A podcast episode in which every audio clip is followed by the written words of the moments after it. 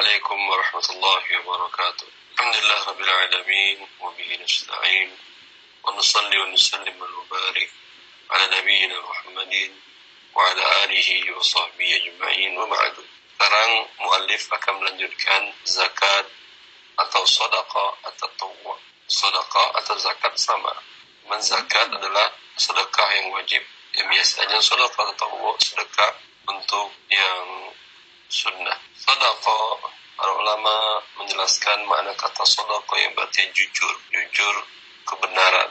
Bagaimana dikatakan oleh Rasulullah SAW, sadaqatu burhanun. Sedekah itu adalah burhan, bukti keimanan seseorang. Manusia hidup dengan rasio logikanya, dia tentu tidak mau mengeluarkan hartanya tanpa ada imbalan. Seorang tidak akan mau mengeluarkan hartanya begitu saja kepada pihak yang lain, pada orang lain kecuali ada imbalannya. Kalau dia mengeluarkan uang, ada imbalannya barang atau jasa dari pihak lain. Akan tetapi orang yang percaya dengan Allah, percaya dengan apa yang dijanjikan oleh Allah kepadanya, maka dia akan berani mengeluarkan dengan imbalannya nanti sesuai dengan keimanannya. Oleh karena itu, dinamakan perbuatan memberikan berderma memberikan uang kepada orang lain dinamakan dengan sedekah karena menunjukkan kebenaran keimanan seseorang kepada Allah Azza wa Jalla. Antara dia dengan penerima sedekah mungkin tidak ada hubungan kerabatan, mungkin tidak saling kenal. Akan tapi karena dia beriman kepada Allah, ya Allah memberikan, menjanjikan ganti yang jauh lebih baik daripada yang dia berikan. Seperti Allah mengatakan, مثل الذين ينفقون أموالهم في سبيل الله كمثل حبة أنبت سبع سنابل في كل في كل سنبلة ما تحبه والله يضاعف لمن يشاء والله واسع عليم. الله فمن أراه من ولكن هرتانيا أن hartanya jalan Allah Azza wa Jal. Bagaikan pemaan satu biji gandum yang ditanam kemudian tumbuh tujuh cabang. Dan setiap satu cabang tadi ada seratus biji. Artinya satu biji kurma, satu kilogram beras yang Anda berikan, Allah memastikan di dalam kitabnya akan diganti oleh Allah dengan tujuh ratus kilo, tujuh ratus biji. Itu belum cukup. Wallahu yudha'ifu liman yasha. Dan Allah pun akan melipat gandakan pada orang yang dikehendakinya. Kemudian itu cukup. Wallahu wasi'un alim. Allah maha luas kayaannya. Sehingga direkam dari Rasulullah SAW bahwa seseorang mengeluarkan hartanya karena Allah. Kemudian Allah mengatakan, Kama yurabbi ahadukum fuluwahu. Sesungguhnya Allah, Rasulullah, akan menjaga dan melihara dan mengembangkan harta kalian yang kalian zakatkan yang sedikit. Seperti ketelatenan dan keseriusan dan kesungguhan kalian menjaga dan memelihara seekor anak unta Anda. Dan nanti ketika Anda temukan, ketika bertemu dengan Allah di hari akhirat, harta sedikit yang Anda keluarkan tersebut, karena telah dikembangkan oleh Allah, akan menjadi gunung kebaikan daripada apa yang Anda berikan tadi. Maka ini adalah bukti keimanan seorang kepada Allah Azza wa Jalla adalah sedekah. Nabi Shallallahu Alaihi Wasallam bersabda, ada tujuh golongan yang Allah akan jaga pada suatu hari nanti yang tidak ada naungan kecuali naungan Allah Subhanahu Wa Taala, yaitu seorang pemimpin yang adil, seorang pemuda yang tumbuh dalam ketaatan kepada Allah Subhanahu Wa Taala, dan seseorang yang hatinya terkait dengan masjid, dan dua orang yang saling mencintai karena Allah mereka bertemu dan berpisah karena Allah. Dan seorang laki-laki yang diajak oleh wanita yang cantik dan memiliki kedudukan untuk bermaksiat dan dia mengatakan sesungguhnya aku takut kepada Allah Subhanahu wa taala. Dan seseorang yang bersedekah dengan suatu sedekah kemudian dia menyembunyikannya sehingga seakan tangan kirinya tidak mengetahui apa yang disedekahkan oleh tangan kanannya.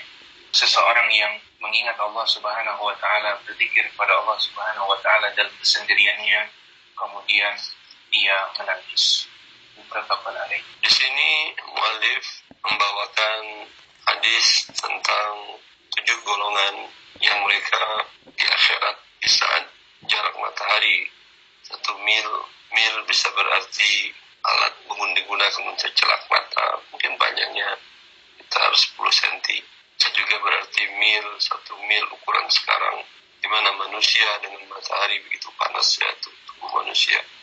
Orang tenggelam dalam keringat masing-masing. Akan tetapi ada tujuh kelompok yang mereka ini tidak merasakan panas itu karena mereka di bawah naungan arash Allah Azza wa Jal. Yang di sini muallif yang dimaksudkan oleh beliau adalah yaitu seorang laki-laki. Dan di sini laki-laki termasuk juga perempuan. Ini dimasukkan dengan adalah am kalimatnya khusus tetapi maksudnya adalah umum. Laki-laki ataupun perempuan. Yang dia bersedekah dengan satu sedekah. Di dalam bahasa Arab sedekah adalah isim nakira bisyakil isbat yufidu yufidul mutlak. Isim nakira dalam kalimat positif maka membedakan mutlak. Artinya dia bersedekah dengan sedekah apa pun dan sekecil apa pun yang lebih baik. Sedekah dengan cara diam-diam sembunyi atau terang-terangan. Dari hadis ini jelas yang sembunyi. Dan begitu juga firman Allah Azza wa Jalla. In tubdu sadaqati fani'imahi wa in tukhfuha wa tubtuha al-fuqara wa huwa kata Allah.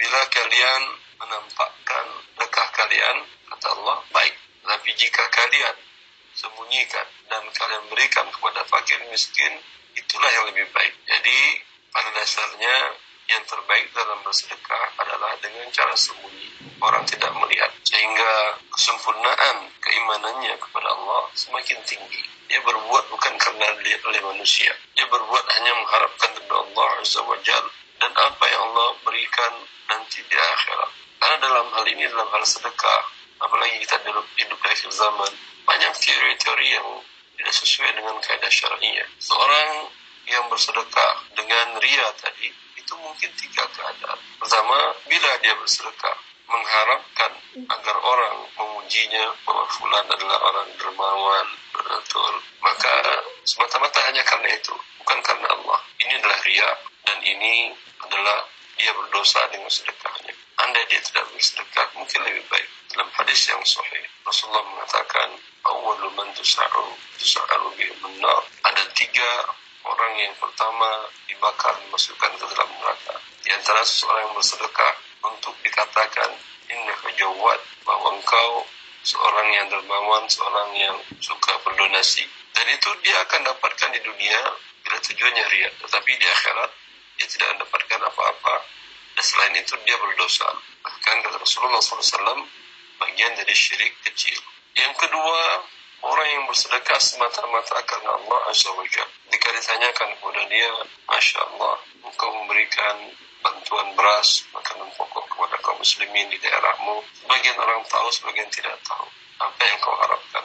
Dia mengatakan, aku hanya mengharapkan keridhaan Allah Azza wa Jalla. Dan apa yang Allah janjikan untuk orang-orang yang berbuat baik nanti di akhirat. Maka ini adalah orang yang paling sempurna. Dia mendapatkan pahala dari Allah Azza wa Jal dan mendapatkan gantinya pun di dunia. Karena janji Allah Azza wa Jal. Sesuatu yang kalian infakkan, yang kalian keluarkan, pasti diganti oleh Allah Azza wa Jal. Dan setiap hari malaikat mendoakan Allahumma a'ti munfiqan khalafa. Ya Allah, berikanlah ganti kepada orang yang menginfakkan hartanya. Dan kata Rasulullah SAW dan firman Allah Azza wa Jal, wa yurbis sadaqat. Allah menunggu kembangkan, mengganti dan lebih baik daripada apa yang kalian sedekahkan, menginfakkan. Maka ini orang yang beruntung dan di akhirat pun dia mendapatkan apa yang diinginkan. Adapun yang ketiga, orang yang bersedekah tadi, ketika ditanyakan, kenapa engkau bersedekah?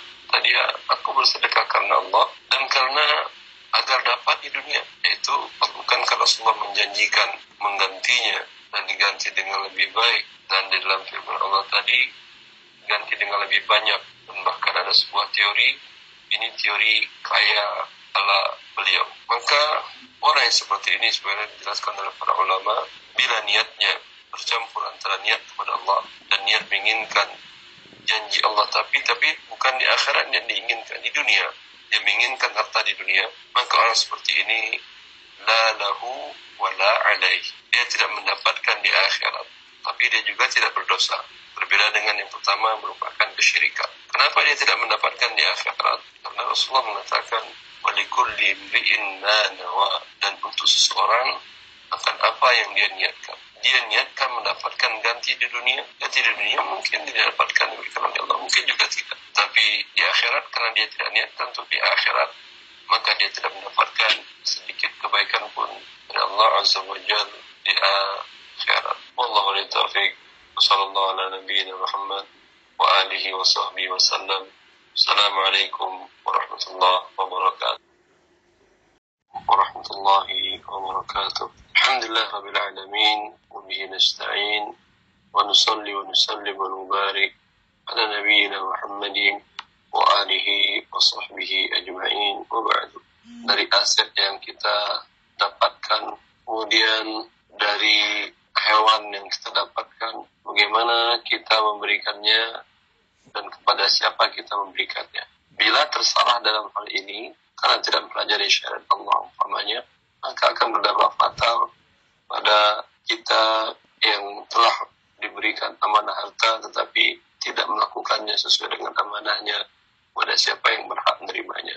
Para ulama ijma nukil oleh ulama banyak ulama yang lain bahwa zakat. Zakat mal terutama tidak sah bila dikeluarkan kepada selain asnaf yang delapan. Setelah kita mengetahui sebelumnya apa yang kita keluarkan dari harta kita.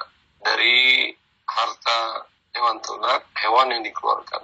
Dari harta pertanian makan pokok hasil pertaniannya yang dikeluarkan dari emas dan perak dan harta perniagaan yaitu emas yang dikeluarkan atau mata uang setempat yang dikeluarkan bab pembahasan tentang orang-orang yang berkewajiban menunaikan zakat dan orang-orang yang berhak menerimanya. Asnaf bagian yang pertama adalah fakir, yang kedua adalah miskin, yang ketiga adalah amil, yang keempat adalah mu'allaf, yang kelima adalah budak, yang keenam orang yang berhutang, gharib, yang ketujuh si sabilillah, yang kedelapan ibnu sabil. Allah mengatakan faridatan min Allah. Ini ketentuan Allah. Tidak boleh anda maju sejengkal, tidak boleh mundur sejengkal dari ketentuan ini. Allahu alimun hakim. Allah menentukan hanya khusus untuk mereka karena Allah yang maha mengetahui lagi bijaksana. Maka ketentuan ini tidak boleh anda tambahkan jadi delapan setengah atau anda kurangkan menjadi 7,9 mustahil. Tidak boleh. Pertama, al-fuqara antara fuqara dengan masakin. Ini dua buah kata yang dikatakan dijelaskan oleh para ulama. Kalau dia tidak dalam satu tempat, tidak dalam satu siakul kalam teks kalimat, maka makna salah satu mencakup yang lain. Bila dia dalam satu teks konteks kalimat, maka ini dua makna yang berbeda. Di sini menyebutkan fuqara masakin, berarti dua makna yang berbeda. Nah, huruf waw itu dinamakan dengan uh, isim mausul kata penghubung yang kata penghubung itu memfaedahkan al-atful mughayarah berbeda antara satu dan lainnya kalau dikatakan setelah datang Muhammad dan Ahmad berarti beda antara Muhammad dan Ahmad itu dalam bahasa Arab dan seperti kata iman dan Islam dalam hadis Jibril, Rasulullah menjelaskan apa itu iman, apa itu Islam. Tetapi kalau disebutkan orang itu Muslim, berarti dia beriman. Kalau disebutkan orang itu beriman, berarti dia Muslim. Begitu juga dalam hal ini. Karena dalam hadis Mu'ad Rasulullah, zakat itu diambil dari orang kaya dan diberikan kepada para fakir. Fakir di sini termasuk juga miskin. Kalau disebutkan miskin termasuk juga fakir. Tapi dia disebutkan dua kalimat dalam satu teks kalimat, maka dia dua makna yang berbeda. Fakir, kata para ulama, berbeda-beda makna para ulama dalam hal ini panjang khilaf yang mereka menjelaskannya. Tapi secara umum, fakir kondisinya lebih tidak baik dibandingkan miskin. Miskin masih ada pendapatannya, tetapi kurang untuk memenuhi kebutuhan hajahnya. Ya, di dalam maqasid syar'iyah, ulama menjelaskan kebutuhan seorang itu ada yang bentuknya daruriyat. Daruriyat itu kalau tidak terpenuhi akan hilang salah satu lima pokok dalam kehidupan manusia, yaitu hilang jiwanya, akan mengakibatkan kematian. Kemudian hilang dinnya, agamanya, hilang harta logikanya, hilang akalnya, dan hilang kehormatannya. Ini daruriyat. Ada namanya hajiat. Bila tidak terpenuhi, tidak hilang, tapi akan menjadi susah. Ini namanya kan dinamakan dengan hajiat. Ada yang namanya dengan tahsiniyat. Hanya untuk memperbagus, memperindah. Mungkin dalam bahasa sekarang orang-orang mengatakan kebutuhan tersier yang kebutuhan yang pokok tadi adalah primer di bawahnya adalah sekunder maka ini tentu berbeda dari orang ke orang dari keluarga ke keluarga dari masyarakat ke masyarakat dan waktu ke waktu tidak bisa kita katakan sekian sekian dinar maka sangat subjektif sekali mungkin berbeda dengan cara kriteria di bawah garis kemiskinan yang diletakkan oleh Kementerian Ekonomi dan Keuangan umpamanya berbeda. Yang dimaksud di sini adalah fakir orang yang terpenuhi kebutuhannya kurang dari 50%. Kalau miskin, lebih dari 50% terpenuhi, tapi masih kurang kebutuhan pokok. Kita katakan kebutuhan pokok adalah makan, minum, tempat tinggal, bukan miliki ya. Kalau gitu, saya belum punya rumah Ustaz. Saya berarti fakir miskin. Belum punya rumah bukan berarti fakir miskin. Anda tidak punya rumah, tapi rumah di daerah itu kosong banyak. Silakan kaum muslimin menempatin, bersihin aja. Ya, itu bukan kebutuhan pokok tapi tempat tinggal. Makan, minum, tempat tinggal. Kalau tidak terpenuhi, seseorang tidak bisa melanjutkan kehidupannya. Berapa yang diberikan dari zakat untuk mereka? Di dalam Al-Musual Kuwaitiyah dijelaskan bahwa jumhur para ulama mengatakan, dan ini pendapat Malikiyah, dan satu kaul dalam mazhab Syafi'iyah, dan ini mazhab Hambali, dijelaskan dalam mazhab Maliki dan Syafi'i dan Hambali yang diberikan kepada mereka adalah kebutuhan satu tahunnya. Namanya dalam kebutuhan pokoknya 7 juta sebulan dan penghasilannya cuma 5 juta, kekurangan 2 juta. Yang diberikan kepada dia adalah 2 juta dikali dengan 12 menjadi 24 juta diserahkan kepada dia. Dan tidak boleh lebih dari itu lebih dari 24 juta tidak boleh. Kenapa harus untuk kebutuhan satu tahun? Di sini ada dua pendapat. Pendapat jumhur satu tahun, pendapat sebagian syafi'iyah untuk kebutuhan sepanjang umur. Nantinya keluar dia dari miskin menjadi kaya. Yang pendapat pertama kita katakan. Dan tidak ada yang mengatakan hanya untuk kebutuhan sebulan, setengah bulan, tidak ada. Karena zakat itu berulang sekali setahun pada umumnya. Dan karena Nabi Shallallahu Alaihi Wasallam dalil dari pendapat ini bahwa beliau pernah menyimpan putusana yaitu makanan pokok untuk istri-istrinya untuk kebutuhan satu tahun. Baik kebutuhan satu tahun itu sama dengan nisab, nisab atau beberapa nisab. Tadi dalam kasus tadi cuma 24 juta diberikan kepada dia. Ini kurang satu nisab. Nisab kan sekitar 78 juta dengan kondisi emas sekarang atau 80 juta. Pendapat yang kedua, ini pendapat Syafi'iyah, satu kaul dalam pendapat Syafi'i, mansus, kaul yang mansus dari Imam Syafi'i, dan riwayat dalam Imam Ahmad bin Hanbal, annal faqir wal miskin yuqayani ma yukhrijuhuma min al-faqah. Fakir dan miskin diberikan keduanya sesuatu yang mengeluarkan mereka dari status fakir miskinnya menjadi kidal ghina kepada kaya. Dari tidak mampu tadi kepada kaya. Berapa berarti ini diberikan dia? Ini berdasarkan dalilnya sabda Nabi sallallahu alaihi wasallam, "Innal mas'ala la tahillu illa lis-salasa, rajulun asabat ja'i ijtahad malahu fa halat lahu al-mas'ala hadha yusiba qiwaman min aish." Qiwaman min aish itu artinya terpenuhi kebutuhan hidupnya, kebutuhan pokoknya tentu. Lalu sampai para ulama ulama Syafi'i dan Hambali tadi menjelaskan. Kalau orang itu kebiasaannya adalah istiraf. Istiraf itu ada pekerjaan keterampilan yang dilakukan dengan tangannya, yang seperti mamanya bertukang, menjahit, atau berdagang.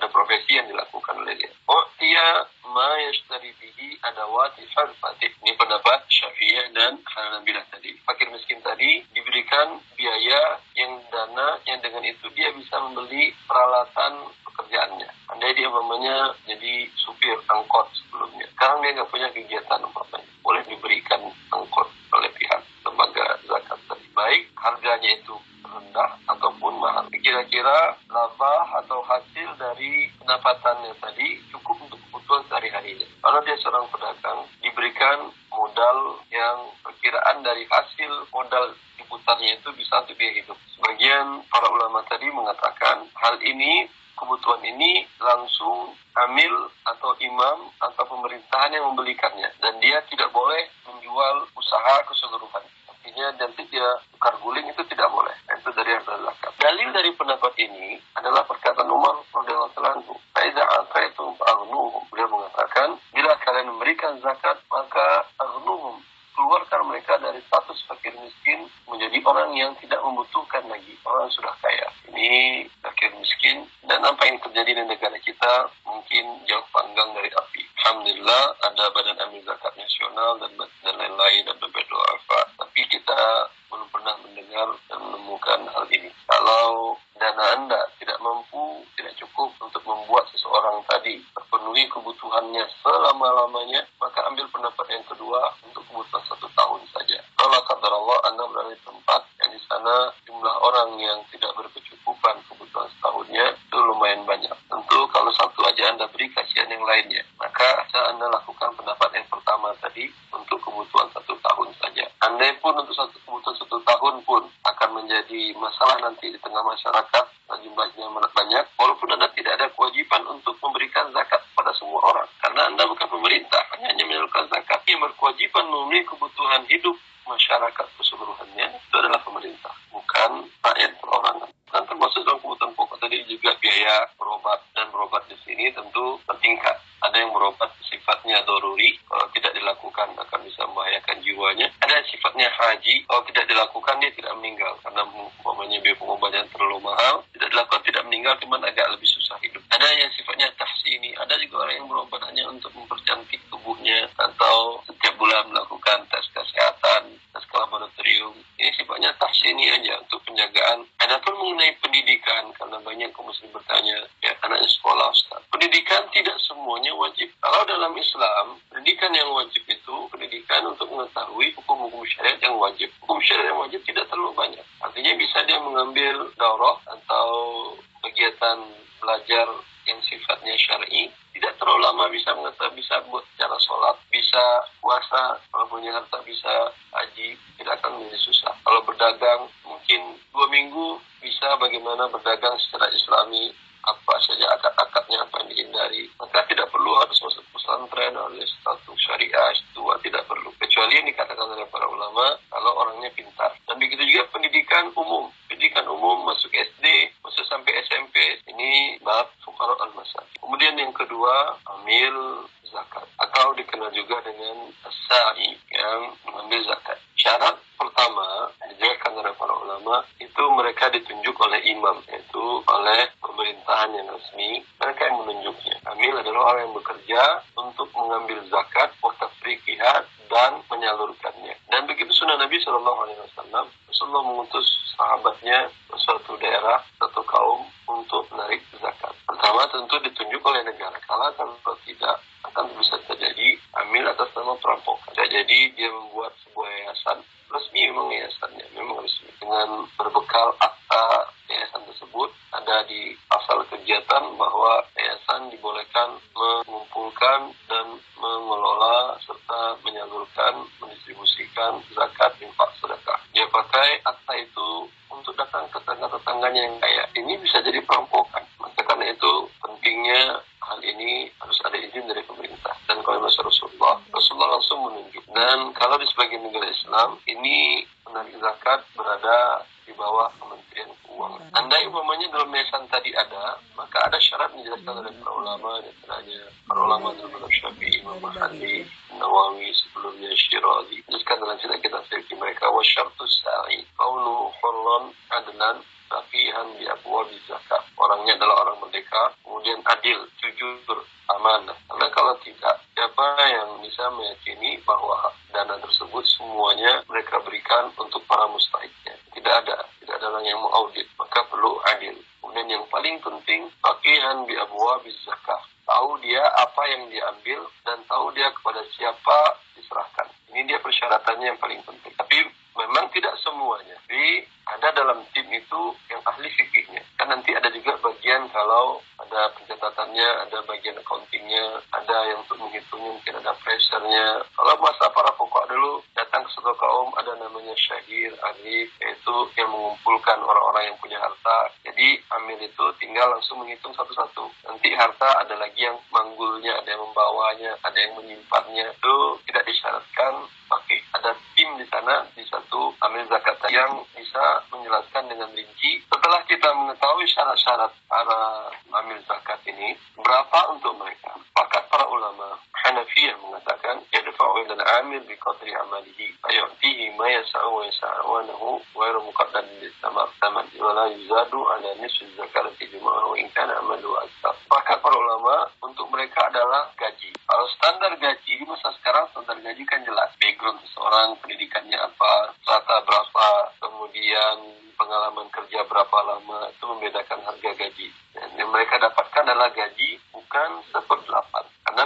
amil. Tadi seperti fakir miskin, mereka bukan mendapat seperdelapan Mereka mendapatkan yang mengeluarkan mereka dari status fakir miskin menjadi non fakir miskin. amil statusnya adalah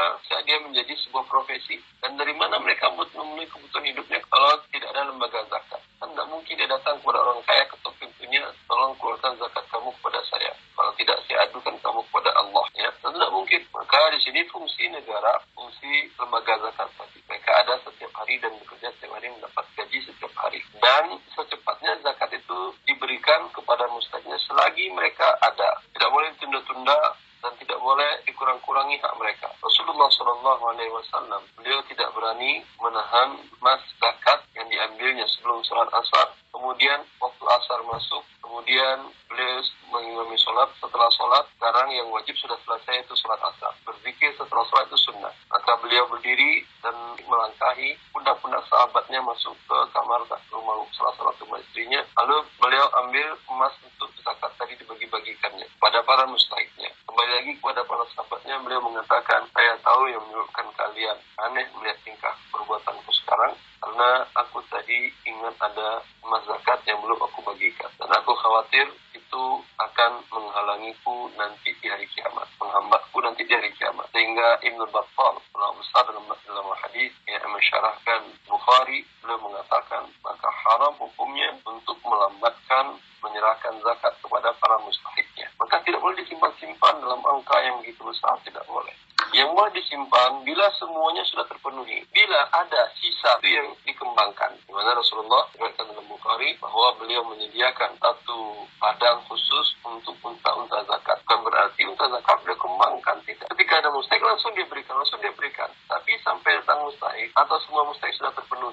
perlu disimpan karena ini amanah. Strike yang ketiga yaitu orang yang hatinya lemah dalam Islam maka perlu diperkuat dengan harta. E, para ulama sepakat bahwa seperti dinukil oleh eh, para mazhab eh, Hanafi ya, bahwa di masa mereka adalah kulubum tidak ada di masa itu Islam kuat. Karena di mana ada menitan Abu Bakar ada Akra bin hadis dan Uyainah bin Fasr yang dahulu di masa Rasulullah Rasulullah memberikan kepada mereka bagian dari mu'allaf kulubum karena mereka berdua adalah pemimpin Quraisy mendapat itu. Di masa Abu Bakar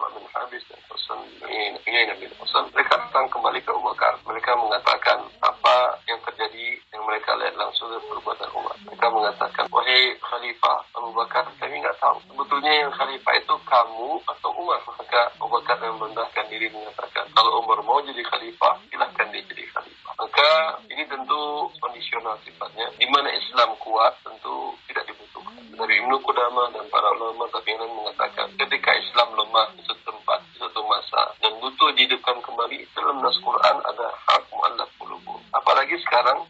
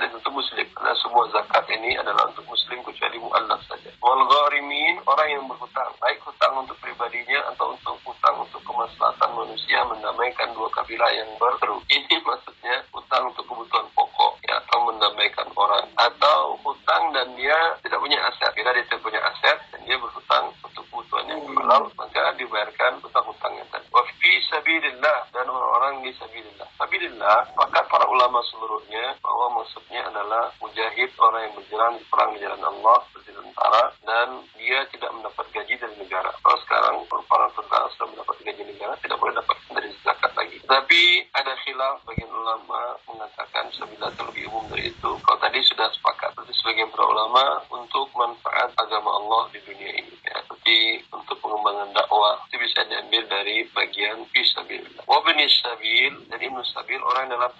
untuk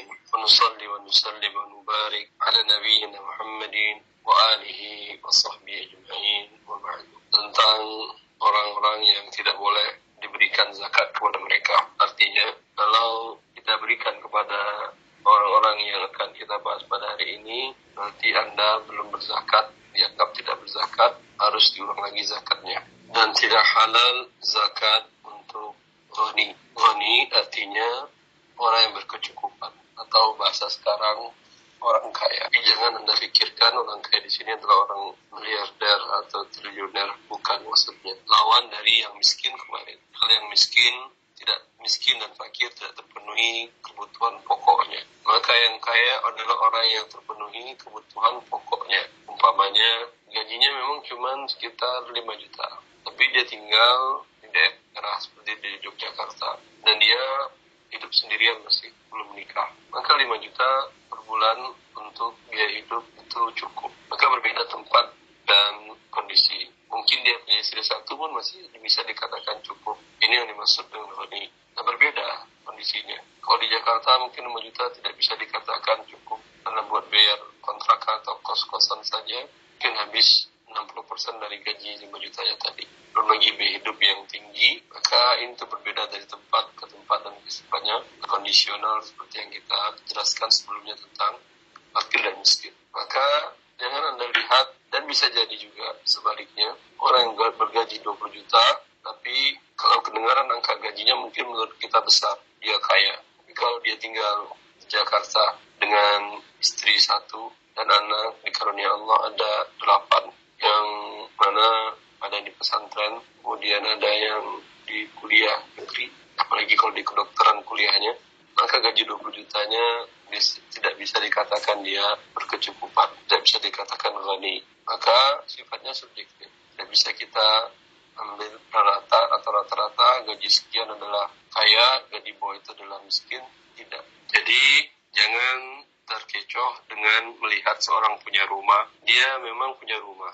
Kalau dinilai rumahnya mungkin harganya sampai 300 juta. Atau kalau di Jakarta mungkin sampai 800 juta rupiah. Tapi rumahnya pas-pasan, yaitu dengan kamar tidur ada tiga, satu untuk suami istrinya, kemudian satu untuk anak laki-lakinya, satu untuk anak perempuannya. Dinilai mungkin 800 juta. Dan seperti yang tadi kita katakan, pendapatannya pun 10 juta atau 20 juta tadi. Tapi karena kebutuhan pokoknya tadi, apalagi kalau ada yang sakit dengan berkebutuhan khusus, apakah dia wajib menjual rumahnya? Jawab tidak, karena itu rumah minimal. Kecuali kalau rumahnya adalah lebih dari kebutuhan pokoknya.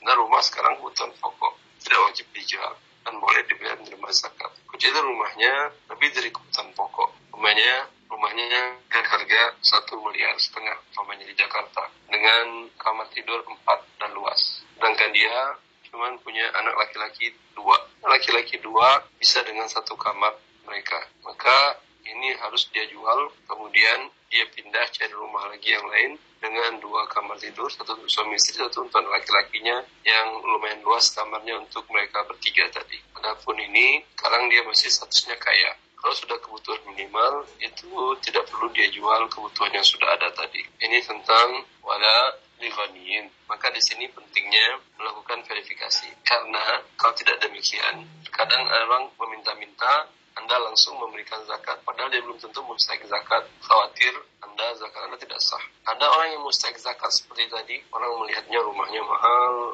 akan tetapi berkebutuhan khusus bisa saja dia berhak menerima zakat. Maka di sini fungsi verifikasi untuk mengecek identitas keabsahan ke, dari status orang tersebut. Wala liqawiyin muktasib. Dan zakat tidak halal juga bagi orang yang kuat dan punya profesi. Kuat ya secara tenaga kuat. Tapi pekerjaan yang layak untuk dia tidak ada. Lagi dalam kondisi seperti sekarang. Dia punya kemampuan untuk bekerja akan tapi melamar sana melamar sini tidak ada bahkan dia pun siap turun maupun sebagian para ulama mengatakan dia tidak perlu dia bukan berarti dia harus menerima pekerjaan apa saja namanya di S1 IT bolehkah dia bekerja di rumah makan sebagai tukang cuci piring kalau bolehnya boleh tapi apakah dia diwajibkan untuk itu sehingga kita katakan kamu tidak kami berikan zakat dia umpamanya terdampak PHK karena masih ada umpamanya warteg fulan, rumah makan fulan butuh cuci piring, kamu tidak mau. Tidak. Boleh karena itu tidak pantas untuk dia.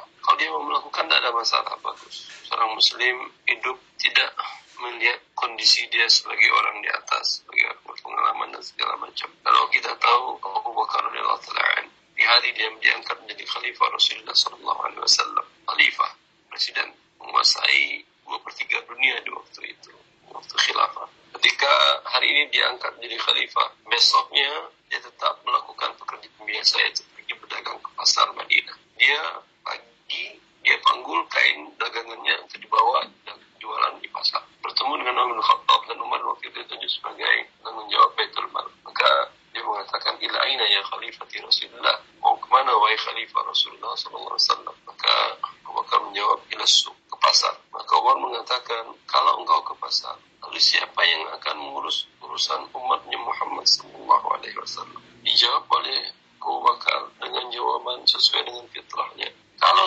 saya tidak ke pasar. Siapa yang memikirkan yang mengisi perut anak dan istri saya? Ya khalifah masya Allah maka kata Umar kalau begitu kau tidak boleh ke pasar. Dan biaya hidupmu setiap hari setiap dua hari kami berikan engkau satu ekor kambing. Berarti gaji khalifah pertama ditentukan oleh Etul Mal oleh Umar bin Khattab radhiyallahu 15 ekor kambing satu bulan itu gaji khalifah ya ini ditetapkan oleh Umar dan disetujui oleh para sahabat seluruhnya dari kawiyin muktasib bagi orang yang mampu dan masih bisa bekerja tidak halal juga kecuali seperti tadi apalagi dalam kondisi sekarang dia baru terdampak PHK dan sudah berusaha mencari maksimal dan bahkan tadi kita katakan dia siap siap turun dari profesi sebelumnya dengan gaji sebelumnya bahkan dia mengatakan saya dulu umpamanya adalah manajer marketing tapi nggak ada masalah dalam kondisi ini tentu orang nggak butuh manajer marketing apa aja jadi supir jadi supir saya siap yang penting karena istri saya makan yang halal nah, itu dilakukan boleh tapi turun kalau dia tetap ingin menjadi pekerjaan yang profesinya dia maka dan belum dapat juga maka boleh diberikan kebutuhan pokoknya dipenuhi dari zakat tentu dengan syarat dia sudah tidak punya sisa tabungan, sisa uang dan sisa harta melebihi kebutuhan pokoknya. Kalau masih ada tabungan atau rumah ada tiga unit, dua dikontrakkan dan cukup untuk biaya hidupnya, maka tentu tidak. Tapi kalau dua unit tadi masih kurang juga untuk biaya hidupnya, kekurangannya bisa ditutupi dengan zakat. Yang ketiga, wala di ali Muhammadin wa hum banu Hashim wa mawali. Zakat tidak halal bagi keluarga Muhammad sallallahu alaihi wasallam. Siapa maksudnya keluarga Muhammad sallallahu alaihi wasallam adalah Banu Hashim, anak cucu Hashim. Siapa itu Hashim? Hashim adalah Rasulullah Nabi Muhammad, bapaknya adalah Abdullah. Abdullah bapaknya adalah Abdul Muttalib atau dikenal dengan Syaibatul Ham. Itu nama aslinya adalah Syaibatul Ham, kemudian dikenal dengan Abdul Muttalib. Syaibatul Ham, bapaknya adalah Hashim. Maka keturunan ke bawahnya anak Hashim berarti Ali bin Abi Talib adalah Bani Hashim. Keturunan Ali bin Abi Talib, Hasan, Hussein, maka tidak hak menerima zakat. Ja'far anak Abu Talib, maka keturunan dari Ja'far maka tidak berhak menerima zakat. Ini berdasarkan sabda Nabi Shallallahu Alaihi Wasallam, Inna sadaqata la tanbaghi li ahli Muhammad, innama hiya usakhun nas. Diriwayat kalimah Muslim, Rasulullah SAW bersabda, bahwa sesungguhnya sedekah dan zakat tidak pantas untuk keluarga Muhammad karena itu dia adalah kotoran harta manusia. Kemudian yang selanjutnya wala liman tajibu alaihi nafaqatuhu hala jayrayaniha dan tidak boleh zakat diberikan kepada orang yang wajib dia nafkahi pada saat jatuh tempo zakatnya, pada saat ada zakat. Dalam hal ini berbeda luas perbedaan pendapat para ulama. Pendapat Malikiyah mengatakan siapa saja yang wajib Anda nafkahi sehingga tidak boleh dia menerima zakat. Itu ke atas al-aslul qarib, kemudian wal far'ul qarib. Ke atas yang dekat yaitu bapak, ibu tidak boleh menerima zakat kita. Zakat Anda. Anak Anda, laki, perempuan tidak boleh menerima zakat Anda. Istri juga wajib menafkahi, tidak boleh menerima zakat Anda. Menurut pendapat Syafi'iyah adalah lebih luas daripada al-aslul qarib dengan al-aslul dengan al-far'ul qarib tadi. Sampai ke kakek pun, sampai ke cucu pun tidak boleh menerima zakat Anda. Karena mereka ini wajib zakat. Anda nafkahi. Apa hikmahnya ini dilarang? Karena bila Anda memberikan zakat kepada mereka, sehingga gugur kewajiban nafkah Anda. Anda mengatakan mereka sudah Bapak kasih 20 juta zakat. Kak, selama setahun ini kamu nggak boleh minta biaya hidup lagi, uang sekolah, uang kuliah segala macam. Maka zakat jadikannya untuk menggugurkan kewajibannya. Makanya tidak boleh. Adapun orang tidak wajib menafkahinya boleh menerima zakat. Seperti istri tidak wajib menafkahi suami. Maka istri boleh berzakat dan bersedekah kepada suami berdasarkan hadis Zainab. Kemudian kalau menurut pendapat Malikiyah, siapa yang wajib dinafkahi? Orang yang antara anda dengan dia saling mewarisi. Maka berdasarkan firman Allah, wa alal warisi mislu. Dan menjadi kewajiban ahli waris memberikan nafkah kepada orang yang akan mewarisinya. Antara anda dengan dia saling mewarisi, maka wajib anda nafkahi dia. Dan ketika itu maka tidak boleh anda berzakat kepada dia. Umpama istri mendapat waris dari suami, suami mendapat waris dari istri, maka tidak boleh saling berzakat. Bapak dan anak gitu juga. Adapun saudara, saudari tergantung. Saudara saudari mendapat waris dari seseorang kalau dia tidak punya anak laki-laki atau bapaknya sudah meninggal. Maka ketika itu dia wajib menafkahi, saling menafkahi. Maka ketika wajib saling menafkahi, menafkahi, maka tidak boleh saling memberikan zakat pada lain satu dan lainnya. Ini tentu harus paham sedikit banyaknya tentang bab waris. Wala dikafirin dan tidak boleh bagi orang kafir. Tentunya bagi orang kafir zimmi kecuali dalam bab mu'allafati qulubuhum itu lima bagian lima asnaf yang tidak boleh diberikan zakat kepada mereka. Wa amma sadaqatu tatawu adapun sedekah sunnah sunnah yang tatawu sifatnya bukan yang wajib tadi zakat yang wajib fa yajuzu daf'uha ila haula'i wa ghairihim maka boleh memberikan sedekah tatawu tersebut kepada orang-orang yang telah disebutkan tadi. Anda berikan sedekah kepada orang kaya, kepada orang yang kuat, mencari, mampu bekerja dan punya profesi. Boleh, tidak ada masalah. Walakin kullama kanat anfa' naf'an aman atau khasan fayya. Tapi dalam sedekah tatawu tentu lebih banyak besar mana manfaatnya bila Anda berikan kepada fakir miskin daripada orang kaya. Tentu lebih penting orang miskin daripada yang kaya. Maka seperti itu lebih afdal dan lebih sempurna. Dan Nabi Shallallahu Alaihi Wasallam bersabda, ini mu'alif menunjukkan bagaimana seorang muslim ketika dia mendapatkan harta man sa'ala an-nas amwalahum takatsuran fa innama yas'alu jamra siapa yang meminta kepada manusia harta mereka takatsuran memperbanyak. Jadi tadi dia sudah cukup. Tapi karena ada bantuan umpamanya sebuah perusahaan mengeluarkan zakatnya ya lihat teman-temannya mengajukan zakat dia mengajukan juga. Ini dilarang dalam Islam. Seorang meminta-minta takatsuran untuk memperbanyak hartanya. Bila gaji yang didapatnya cukup untuk hidupnya dan perusahaan umpamanya bagian zakatnya ambil zakat di perusahaan tadi uh, memberikan formulir bagi siapa yang ingin mengajukan zakat tapi tentu diverifikasi dulu oleh mereka. Anda jangan ajukan. Nah khawatir anda yang minta nanti anda dapat pun itu adalah uh, bara api neraka. Maka ambil sedikit atau banyak. Tentu tidak ada yang mau mengambil ini dapatkan oleh Imam Muslim. Ini fenomena ini sering kita lihat. Seperti umpamanya dalam kondisi sekarang bahkan di beberapa daerah di beberapa kota ada donatur dermawan membagi-bagikan dari mobilnya atau dari hartanya ya kepada sekelompok orang semuanya nyerbu ke sana dan bahkan terkadang saling injak, saling sikut, saling innalillah. Tentu yang sebagian mustahik, alhamdulillah. Yang sebagian tidak, maka ini tentu yang dia kejar adalah neraka bara neraka. Maka kita menghimbau kepada para amil zakat. Anda yang datang mengecek kondisi kaum muslimin di sekitar Anda. Itu Anda memiliki database mereka. Berapa pendapatan mereka, berapa pengeluaran mereka. Ketika kondisinya berubah dengan terdampak musibah seperti sekarang, tentu akan bisa Anda pertimbangkan. Anda datang ke rumah mereka, maka mereka minta-minta. Walaupun halal bagi mereka meminta dalam kondisi tidak berkecukupan tadi. Dan Rasulullah SAW bersabda kepada Umar, Umay Umar, sesuatu yang kau dapatkan dari harta ketika Rasulullah SAW membagikan harta dan beliau memberikan kepada beberapa sahabat dan termasuk Umar. Umar merasa tidak mau dia dia zuhud perang. Maka Rasulullah mengingatkan, bila harta ini engkau tidak berharap-harap dan tidak meminta-minta, ambil. Wamala dan bila kondisimu minta-minta dan berharap-harap, maka jangan engkau turunkan hawa nafsumu. Allahu li taufiq wa sallallahu nabi Muhammad wa alihi wa sallam. Assalamualaikum warahmatullahi wabarakatuh.